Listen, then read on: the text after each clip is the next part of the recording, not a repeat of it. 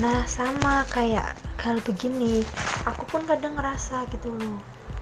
Ketika aku tanpa komitmen diajak jalan sana sini tuh aku oke tapi ketika ada cowok udah nunjukin dia mau nembak nih aku langsung mundur. Oke guys, jadi lu tadi udah mendengar statement temen gue bahwa temen gue ini namanya Sabrina ya btw bahwa ketika dia bertemu dengan cowok dan cowok itu kelihatan inisiatif ingin menembak si cewek ini si temen gue ini langsung ada langsung kepikiran gini guys. Ah udahlah kayaknya gue mundur aja deh dari sini. Jadi sebenarnya jauh dari tahun-tahun yang lalu gue juga udah berprinsip bahwa ketika gue PDKT ya ngapain gue nembak gitu? Nggak usah boy. Gak perlu dan gak penting juga dari situ lu mungkin nanya lah kok lu nggak nembak bang? Ya gue bisa tanya balik lu. Lu ngapain nembak sedangkan di sana ada risiko lu untuk ditolak gitu. Formulanya kan gitu. Ditolak itu karena apa? Karena lu nembak gitu. Nah dari sana lu mungkin bertanya nih lah kalau emang gak nembak ya jalan eksekusi akhirnya gimana dong kalau kita mau punya status sama si cewek? Tenang guys dengerin dulu sampai akhir ya. Gue mau bahas dulu soal menembak-menembak ginian nih guys. Soalnya gue mau tekenin lagi Jangan nembak ketika lu PDKT Situasi apa pun Seintim apa pun Jangan.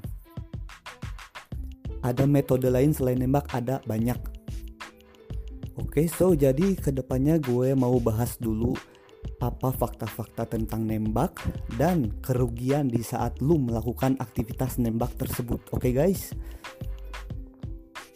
So ya, yeah, 80% cewek ketika ditembak memiliki beban yang sangat amat besar terhadap sebuah keputusan penting yang akan dia ambil.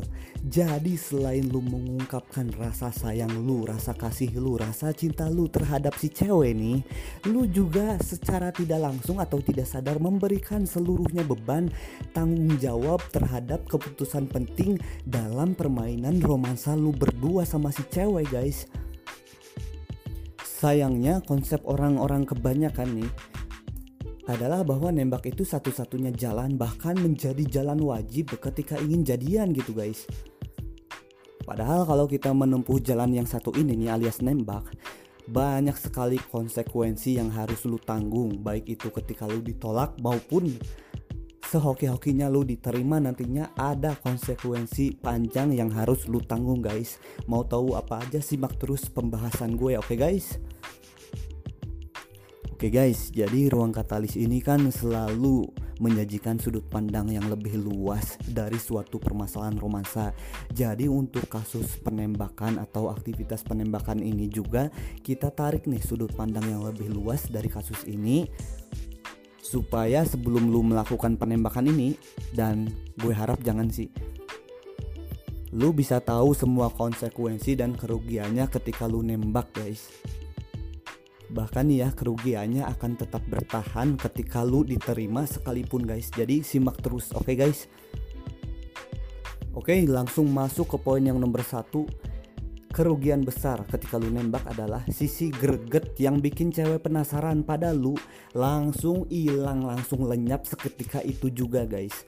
Jadi ibaratnya kalau saat lu sedang PDKT cowok itu sisi penasarannya itu ibaratkan armornya yang telah dia susun secara rapi gitu. Ibaratkan baju perisainya yang telah dia susun secara rapih dan kuat gitu. Ketika lu nembak dan mengungkapkan semua jati diri lu atau semua yang lu rasakan gitu armor itu atau pelindung lu itu hancur berkeping-keping seketika itu juga guys. Begitu juga dengan sisi penasaran si cewek yang lagi lu gebet dan lu tembak ini sisi penasaran si cewek tersebut hilang gitu aja lenyap hancur berkeping-keping begitu aja guys. Oke okay guys, jadi masuk ke poin nomor 2 Kerugian atau konsekuensi ketika lu nembak adalah lu memberikan sebuah kontrol kekuasaan yang penuh terhadap si cewek guys. Sadar tidak sadar lu memberikan itu semua. Semua yang telah lu bangun ketika PDKT diserahkan begitu saja kontrol kekuasaannya tentang hubungan romansa ini ke depannya pada si cewek guys. Jadi sadar gak ketika lu udah telanjang bulat sisi penasaran lu hilang lu juga akan memberikan kontrol kekuasaan sebuah hubungan ini pada si cewek gitu guys. Karena apa? Karena si cewek ini jadi benar-benar tahu lu telanjang gitu. Artinya si cewek ini benar-benar tahu lu nggak bisa kehilangan dia lu nggak bisa kehilangan cewek itu. Jadi ke depannya sekiranya lu jadian pun si cewek tuh biasanya akan tidak terlalu takut untuk kehilangan lu guys. Dan pada saat lu membeli, memberikan kontrol sebesar itu pun si cewek akan insecure karena kebanyakan cewek emang insecure dari awal. Dan akan membuat dirinya sedikit takut mengambil keputusan yang besar dalam hidupnya gitu guys. Untuk poin insecure ini akan gue perjelas di poin berikutnya ya guys Oke nomor tiga lu jadi membuat tadi udah gue jelasin sedikit dari poin sebelumnya. Di poin nomor tiga ada lu jadi membuat cewek menjadi ketakutan atau insecure. Karena dia tuh akan mengambil sebuah keputusan yang sangat amat besar dalam hidupnya. Ketika dia ketika lu menawarkan diri ke dia Dia akan langsung berpikir sangat amat keras. Wah ini gue yakin gak ya ini cowok ini cowok bisa membawa hubungan ini ke arah yang lebih baik atau gue yakin gak ya ini cowok itu yang terbaik buat gue gitu? Makanya ketika lu nembak sering kali jawaban si cewek ini uh, kasih waktu aku dulu ya aku mau mikir dulu ya. Dan pada akhirnya semakin dia berpikir semakin dia takut dan insecure. Makanya jawaban setelah dia mikir itu biasanya nggak jauh dari hmm maaf deh kayaknya aku nggak bisa sama kamu. Gue yakin lu juga semua pasti pernah mengalami ini guys.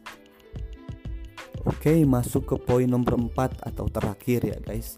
Konsekuensi atau kerugian ketika lu nembak adalah Lu menjadi lemah dan butuh izin serta validasi dari si cewek guys. Sedangkan seharusnya ketika lu dewasa lu bukan lagi masa-masa SMA atau SMP gitu guys lu tuh harusnya sebagai cowok lu setidaknya yang memegang kontrolnya gitu guys. Bukan lu membutuhkan izin dari si cewek tersebut gitu. Lu jadi terlihat sebagai makhluk yang needy sebagai makhluk yang lemah membutuhkan izin dari seorang cewek lu gitu. Sisi-sisi kuat lu sisi-sisi kebanggaan lu yang telah lu bangun pada saat masa PDKT ya jadi hilang, lenyap, hancur berkeping-keping begitu saja guys. Oke guys, itu tadi udah gue jabarin semua kerugian yang akan terjadi ketika lu nembak. So, lu udah tahu nembak itu merugikan diri lu dan pasangan lu dari berbagai aspek, bahkan dalam jangka waktu yang cukup lama ya guys. Jadi untuk saat ini lu mungkin nanyain gimana caranya untuk jadian, prosedurnya seperti apa, tanpa harus melakukan aktivitas yang merugikan ini guys, alias nembak gitu guys. Duh sayangnya nih gue akan bahas teori itu. Ada dua teori mungkin yang akan gue bahas.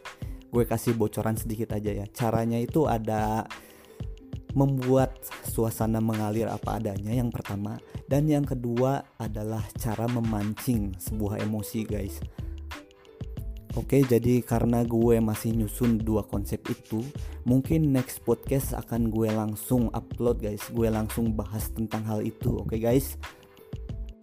Oke guys jangan lupa share podcast ini kalau lu merasa ini sangat amat berguna bagi lu. Yang mau request topik juga seperti biasa boleh request DM ke gue di IG gue at fad underscore fadlan ya guys Oke guys, jadi sampai jumpa di episode gue selanjutnya. Oke guys, bye bye.